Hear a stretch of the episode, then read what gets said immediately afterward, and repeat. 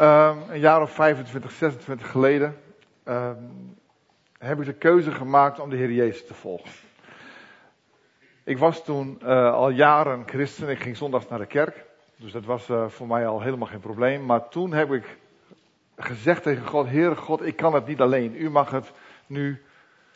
Ja, u mag het gaan doen in mijn leven. En vanaf dat moment veranderde er wat.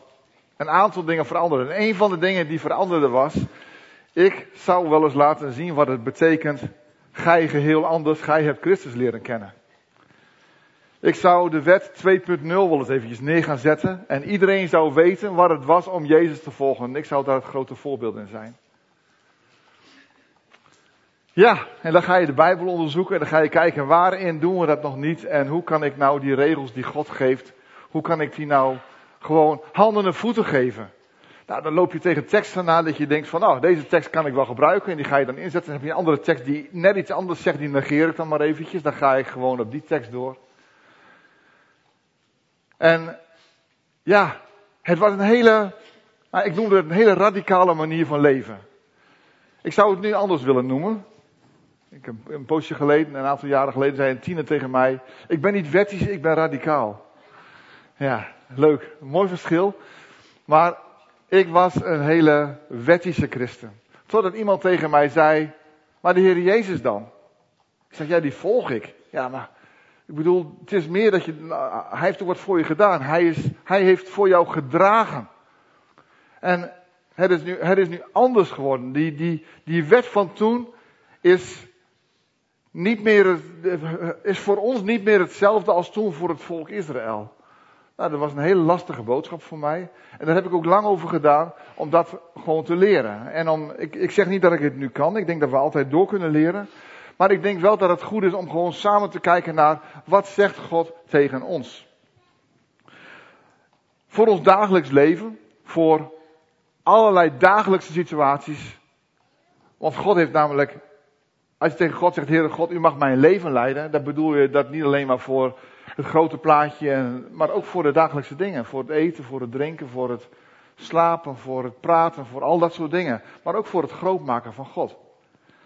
Dus God heeft in ons dagelijks leven echt veel te zeggen. En ik kan ook zeggen, op het moment dat je, dan, dat je je dan verbindt met God, dan wordt je leven anders. Het wordt niet moeilijker, het wordt mooier. En dat is iets wat ik iedereen gun. De wet. Een wet is een spannend geheel. Want op het moment dat je een wet hebt, heb je regels. En dan is de vraag, stelt God regels? Weet je, ik ga die vraag, die parkeer ik nu even. Ik ga eerst even kijken naar een ander punt. Wat vinden wij van regels? Want regels, die zijn eigenlijk niet leuk. Als ik regels opgelegd krijg, en helemaal als ik ze niet snap, dan vind ik ze niet leuk. Dan, dan heb ik ook de neiging om ze niet te doen. Er is een weg tussen Nieuw-Wolda en Oostwold. En dan mag je 60 km per uur rijden. En daar is één lange rechte weg. En vlak. Er is geloof ik maar één lichte glooiing in. Een vlakke. En dan mag ik niet harder dan 60. Boven de 90 heb ik geloof ik een strafblad. En boven de 110 ben ik mijn rijbewijs kwijt. Ik snap die maatregelen niet. En ik krijg het ook niet voor elkaar om daar 60 te rijden.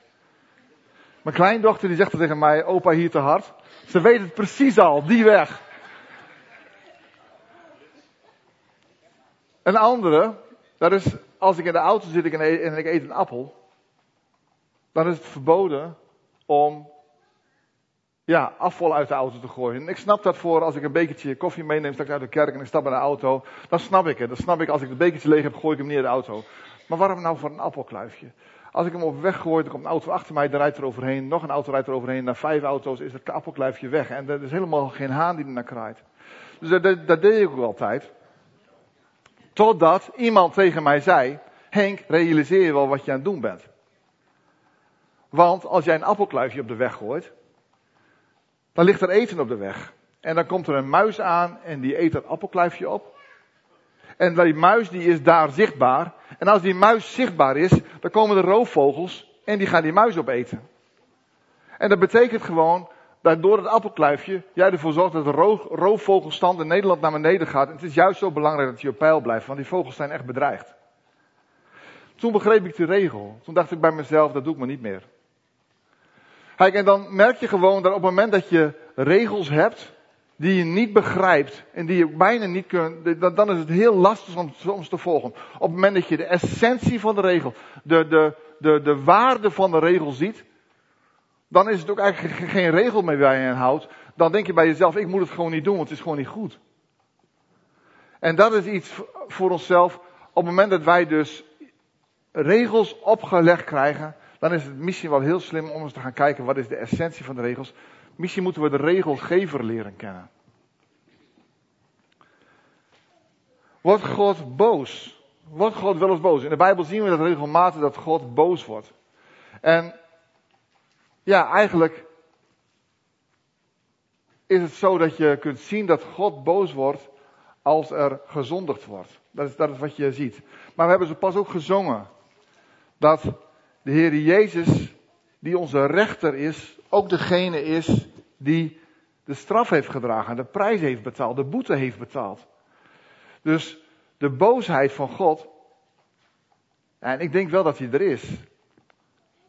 Want zondigen, zondigen, dat is wel iets wat we kunnen doen. Ik geloof dat wij kunnen zondigen. In Romeinen 6 vers 1 staat, moeten we dan zondigen opdat de genade toenemen? En zegt Paulus, nee, niet doen, want zonde hoort niet bij je leven. Nou, dat zegt gewoon, je kunt zondigen en je hebt keus. Maar, wordt God daar boos over? Ik geloof dat God ons schuldig verklaart en vervolgens weer onschuldigt. En dat het dan gewoon goed is. Maar waar zondig je dan tegen? Hebben we de vorige keer over gehad. Het Oude Testament heb je de tien geboden. Het Nieuwe Testament komt God met compleet wat anders. In uh, Handelingen 15 worden er vier regels gesteld, die, waarvan één grotendeels overlapt met een van de tien geboden en de rest eigenlijk niet.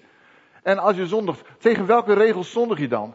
En dan denk ik dat je het zo kunt stellen, je zondigt niet tegen regels, je zondigt tegen een persoon, tegen God.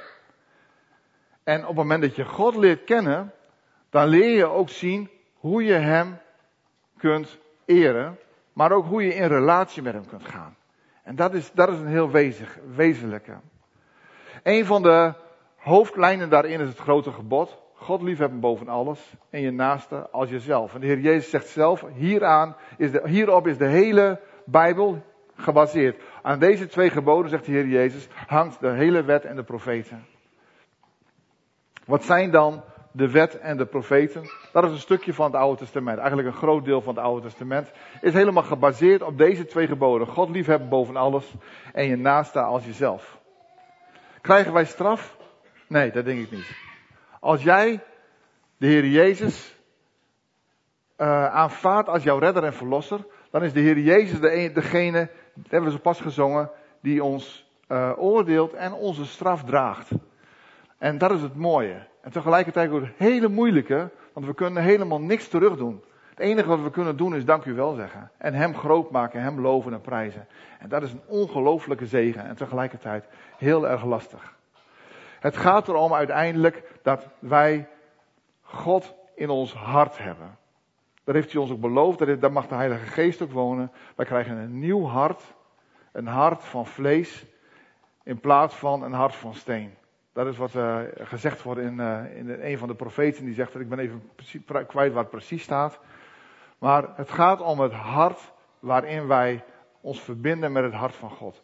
En op die manier mogen we God leren kennen. Dus op die manier wil ik ook graag kijken naar de tien geboden. We gaan niet kijken naar wat mogen we wel en wat mogen we niet, maar wie is God? En hoe kunnen wij in verbinding zijn en leven met God? En dat is ongelooflijk. Dat is ongekend. Dat mogen we stap voor stap leren. Vorige keer heb ik dit plaatje laten zien. Het gaat erbij, als je gaat bowlen, dan gaat het erom dat je gaat winnen. Dat is de bedoeling. En dat doe je door die kegels om te gooien.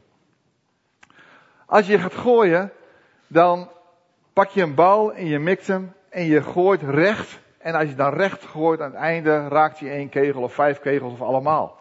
En dan gaat alles om.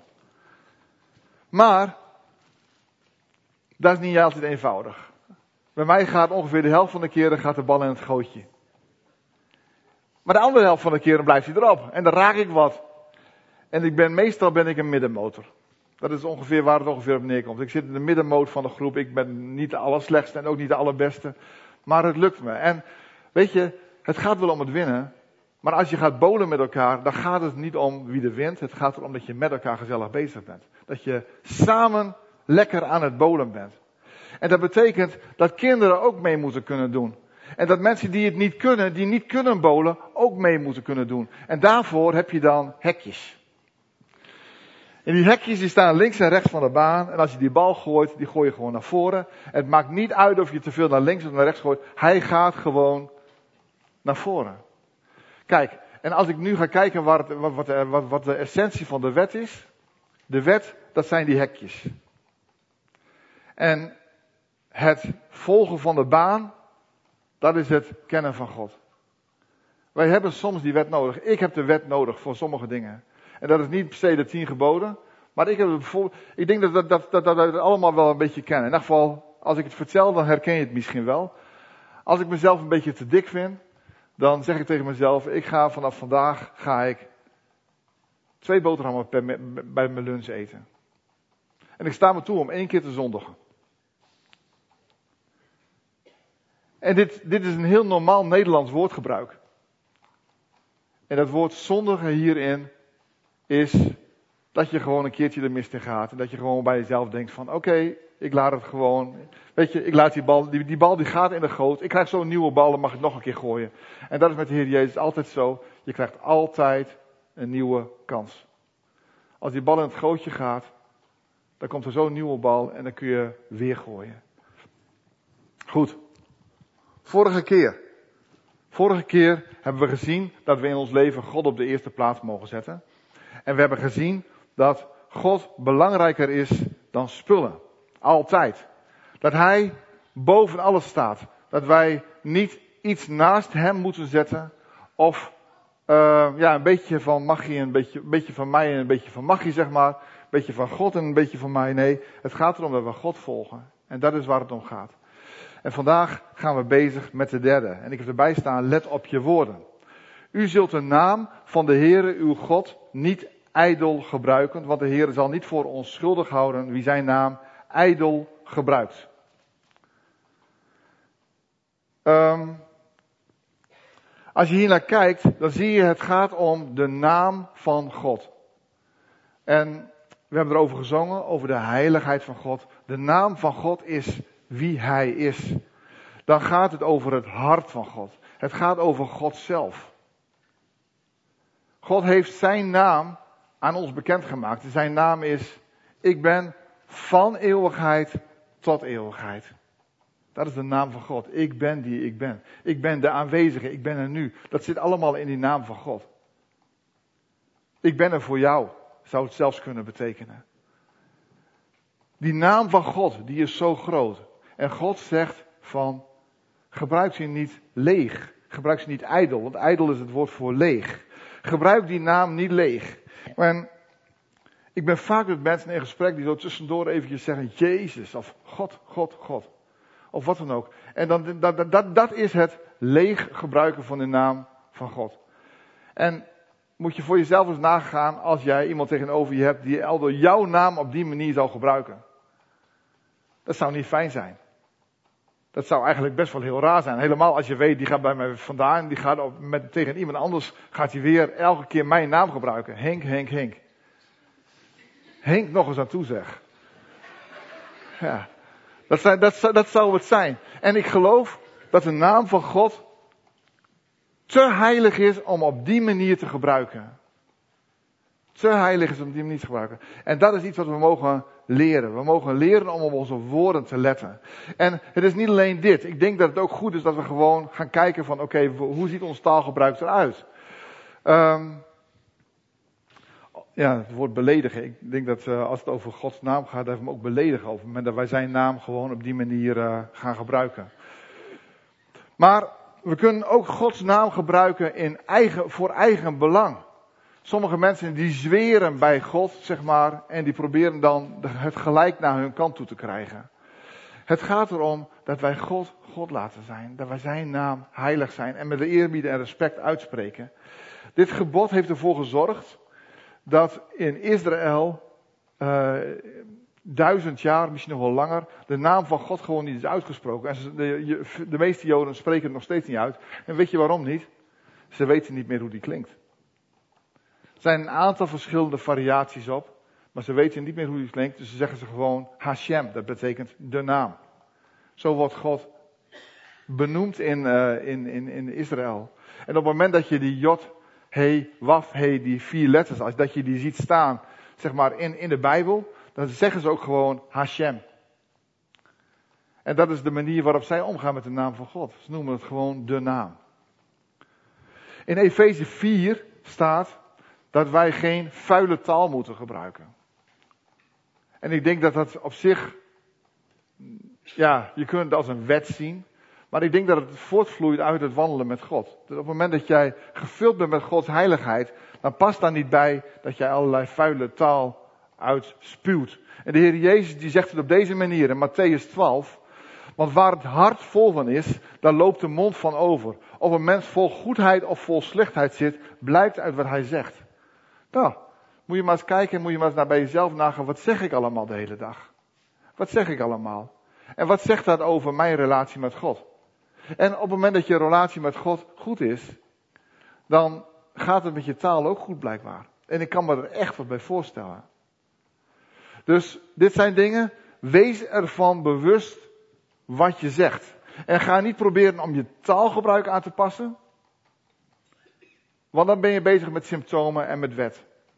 Maar ga bezig met het aanpassen van je hart. Dat je vol bent van God en datgene wat er uitstroomt, dat dat God is.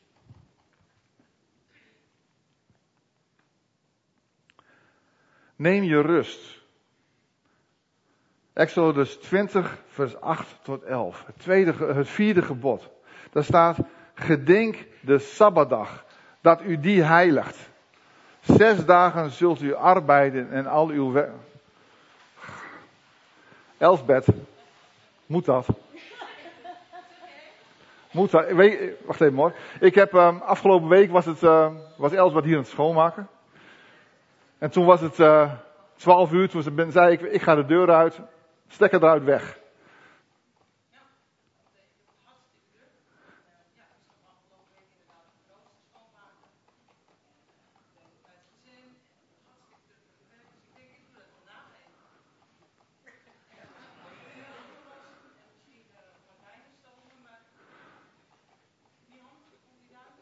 Niet handig.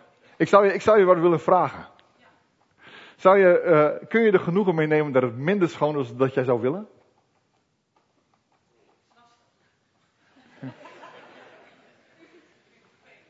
Ja, ik dacht wel dat je dat vervelend zou vinden, maar toch vraag ik het nu wel van je.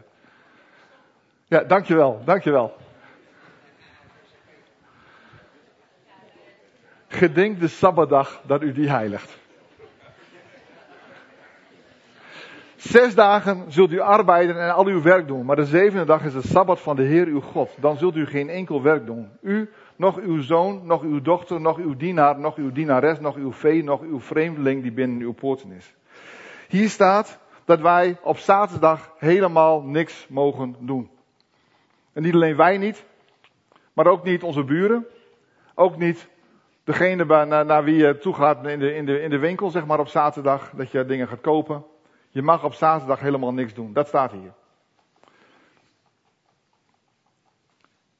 Dat is een vrij eh, duidelijke regel. Een vrij harde regel ook. Een hele strikte regel. Het is zo dat in het Oude Testament God de mensen daar ook echt op, op aansprak. En ik denk dat God dat nog steeds doet, alleen op een andere manier. Daar kom ik zo eventjes op terug. Er is een, een, een, een, eh, een woord van Paulus in het Nieuwe Testament. En dat is in Romeinen 14, vers 5 en 6. De een acht de ene dag boven de andere dag, maar de andere acht al de dagen gelijk. Laat ieder zijn eigen geest, in zijn eigen geest ten volle overtuigd zijn. Wie de dag in ere houdt, houdt hem in ere voor de Heer. En wie de dag niet in ere houdt, houdt hem niet in ere voor de Heer. Dit staat ook in de Bijbel. En ik weet nog dat ik dit voor het gemak maar eventjes parkeerde. En ik weet ook nog dat ik die zaterdag en die zondag maar eventjes omgedraaid had voor mezelf. En dat ik toen heel radicaal doorging. Dus je gaat dan, hoe je het doet, je gaat de boel aanpassen. Maar hier staat dus dat, dat je ervoor kunt kiezen om die ene dag vrij te nemen. Helemaal vrij te nemen. En je kunt er ook voor kiezen om dat niet te doen. En dan neem je de vrijheid om die regels niet op je nek te laten liggen. Die vrijheid neem je dan. En hier staat, dat is geen probleem, dat mag. Als God je die ruimte geeft, neem die ruimte. Maar het kan ook best zijn dat je die ruimte niet voelt. En dan zegt, zegt Paulus hier van ja, als, als jij het echt het idee hebt dat je hierin God moet dat jij hierin op deze manier God moet volgen, dan moet je dat doen. Waar God jou van overtuigt. Het gaat om iets van je geweten of zo. En weet je, als je gedoopt wordt, dan staat daar dat de doop een bede is om een goed geweten. Wellicht moet ons geweten beter, uh, moeten we leren dat ons geweten beter gaat functioneren. Dan kom je gelijk een aantal vragen terecht. De eerste is, wat is rusten? Ik heb een poos geleden, heb ik ervoor gekozen om één dag in de week helemaal niks te doen. Dat was de maandag. Ik werkte toen 80%. Dat was heel makkelijk. Kon gewoon één dag helemaal uh, niks doen. En uh, dat is lastig. Het begint er al mee dat zo'n dag echt heel lang wordt. Heel erg lang. Dat is al lastig. En ik ben de enige in huis die het doet, want Jiska die had op maandag haar eigen programma. Dus ik zit de hele dag met mijn luie kont op de bank, zo voelt dat. En zij is allerlei dingen aan het doen. Uh, als hij zegt, zal ik een kopje thee voor je inschenken, dan heb ik al bijna een bezwaard gevoel dat ik denk bij mezelf van, ja, nu ben jij voor mij aan het werk en nu zit ik hier puzzeltjes te maken. Dat voelt al niet, dat, wordt wel heel erg lastig. En dan, wat is rusten? Is rusten ook wandelen? Is wandelen ook rusten? Is rusten ook naar het centrum toe gaan en een kopje koffie drinken op het terrasje? Want dan laat je andere mensen voor je aan het werk. Weet je, het is, het is echt een puzzel. Dit is echt een puzzel. Ik ben hiermee bezig geweest, heel erg mee bezig geweest. Hoe doen we dat? Hoe gaan we dit doen? Het kan wel. En ik wil je ook uitdagen om gewoon eens hiermee te gaan experimenteren. Want die ene dag rust, dat is helemaal niet vervelend. Het is eigenlijk heel lekker. En misschien is het ook wel de bedoeling. Waarom? Ik denk dat God ons zo gemaakt heeft dat we die ene dag rust nodig hebben. Uh, ik heb jaren gehad dat ik zeven dagen per week werkte. En dan is die zevende dag, die zondag, dat was dan eh, zeg maar het werk voor de Heer. En door de week werkte ik dan voor een baas. Nou, ik ben een aantal keren overspannen geweest. Je houdt het gewoon niet vol. En dan kun je wel zeggen, ja maar ik doe het voor de Heer. Ja maar God vraagt niet van mij dat ik voor Hem overspannen word. God vraagt niet van Elsbeth dat zij hier tijdens de dienst gaat lopen stofzuigen. Omdat zij er door de week niet de tijd voor gevonden heeft. God vraagt dat niet. Het was niet Gods bedoeling. Maar hoe moet het dan? Ja, dat is heel lastig. We hebben een 24 uur economie. Dag en nacht draait het door. En voor heel veel is vandaag een rustigere dag. Um, dat is mooi, prachtig. Voor mij niet. Voor mij is dit, dit is een adrenaline moment. Ik vind spreken vind ik altijd heel spannend. En um, dan kom ik thuis en moet ik helemaal weer tot rust komen. En meestal hebben we op zondag nog wel even iets anders. Dat is geen, geen werkgerelateerde dingen soms, maar soms ook wel. Zondag is voor mij niet een rustdag. Maar dan moet ik dus heel bewust kiezen voor een andere dag. En dan heb ik, ja eigenlijk zijn we daar al heel lang mee aan het zoeken, Jiska en ik, hoe we dat doen. Maar wat ik dus doe is dat ik uh, eh, 24 uur achter elkaar mijn agenda kruis. Dat probeer ik. De laatste tijd is er een beetje bij gebleven, maar dat wil ik wel. Dat is iets wat ik weer moet gaan oppakken. 24 uur per dag in mijn agenda blokken, dat ik dan gewoon geen werkgerelateerde dingen doe. Dat kan de zaterdag zijn, zou kunnen. Maar als dat op zaterdag niet lukt, omdat ik dan dingen voor de gemeente doe, dan heb ik daar een andere dag voor in de week. En waarom 24 uur? Waarom geen drie keer een dagdeel? Drie keer een dagdeel, ben je zo weer kwijt. Dat werkt niet. 24 uur per dag, dan kun je echt helemaal loskomen. Kun je gewoon genieten van alles wat je om je heen ziet. En dan kun je weer aan de slag gaan. En dat, dat, dat, dat is mijn ervaring. Dat ruimt heel erg op, dat helpt. Mag God hier wat over te zeggen hebben, over deze rust? Ik denk dat hij erover te zeggen heeft. Hij heeft ons namelijk gemaakt. En als je een auto koopt, dan staat erbij dat je die auto goed moet onderhouden. Dat je er onder 15.000 of 30.000 kilometer olie moet doen. Nieuwe olie moet doen. De oude moet dan eerst uit natuurlijk. Uh, en dat je dan, dat je zo'n regelmatig nieuwe banden opdoet. Dat je hem, door, dat je hem gewoon mooi wast. En er staat erop met een, zachte, met een spons en met water en met een zachte doek. En een beetje was erop. En op die manier onderhoud je hem. Dat, is de, dat staat in de handleiding zelfs. Dat staat helemaal in de handleiding. Nou, zo is het ook met ons. God heeft jou gemaakt. God heeft mij gemaakt. En in de handleiding staat dat jij het nodig hebt om één op de zeven dagen te rusten. En toen ik dat een aantal jaren niet gedaan heb, ik heb er toen aan gerekend. Dat is wel, precies weer wat ik, zoals ik ben. Ik ben zo lang overspannen thuis geweest als dat ik geen rustdagen heb gehad.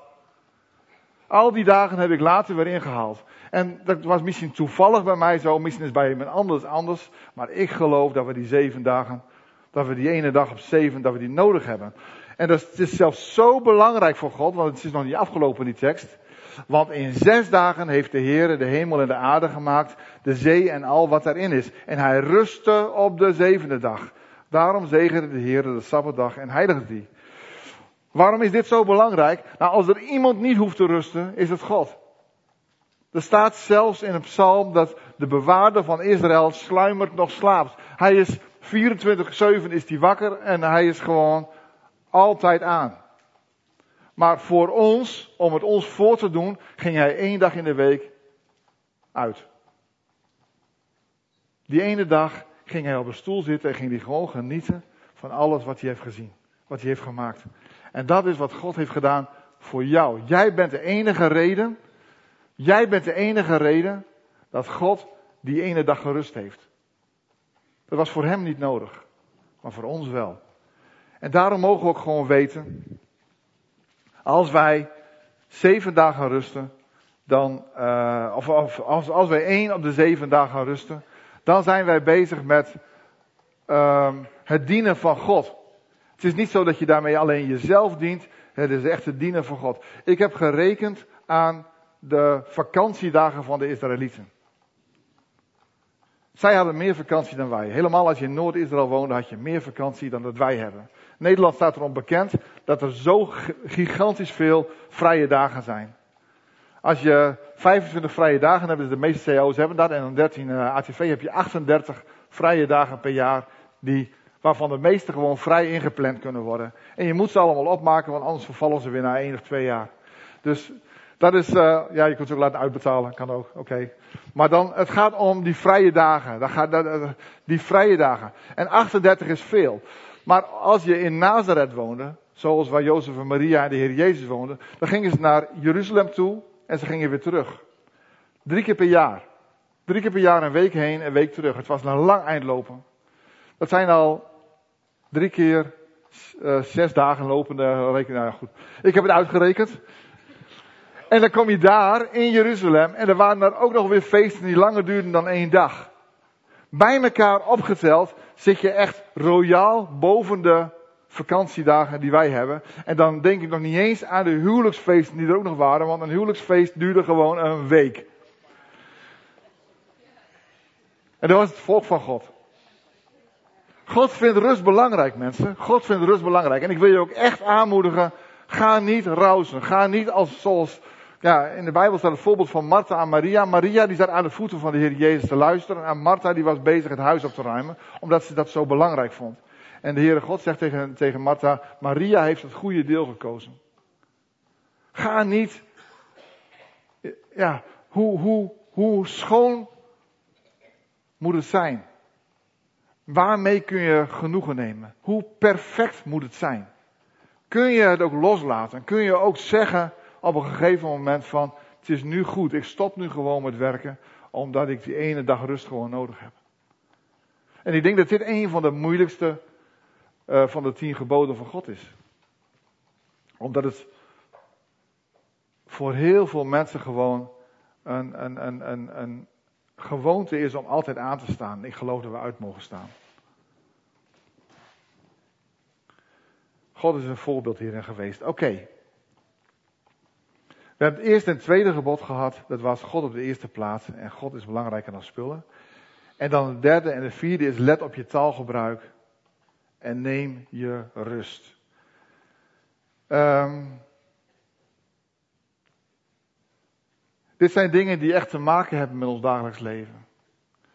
En het gaat hem in dit geval weer niet om de regels. Het gaat hem erom dat wij gewoon zien dat God ons bedacht heeft. En toen hij ons bedacht, dat hij toen voor ogen had, dit is het beste voor hem of haar. Wat, we, wat wij nou mogen doen, is wij mogen ons verbinden met het hart van God.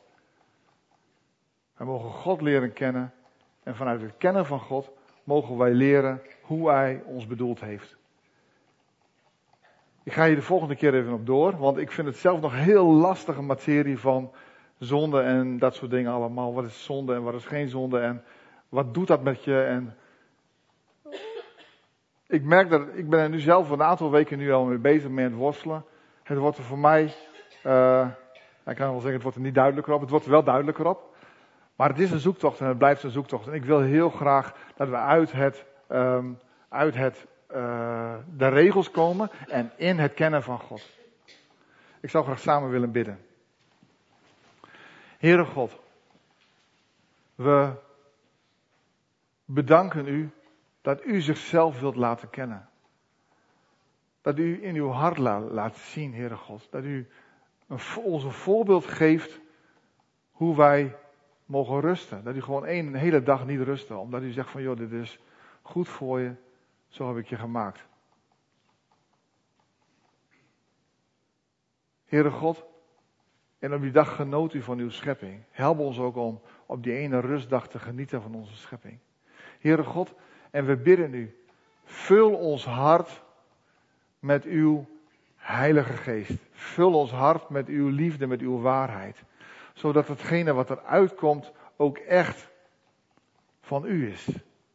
Zodat wij mogen uitdelen wat we van u ontvangen, Heere God. Ook ons taalgebruik. Heer, en als we straks met elkaar in gesprek gaan, en dan bedanken we u voor de koffie die we erbij krijgen. En ik bid u, Heere God, of u ons dan wilt helpen om woorden van liefde over elkaar te spreken.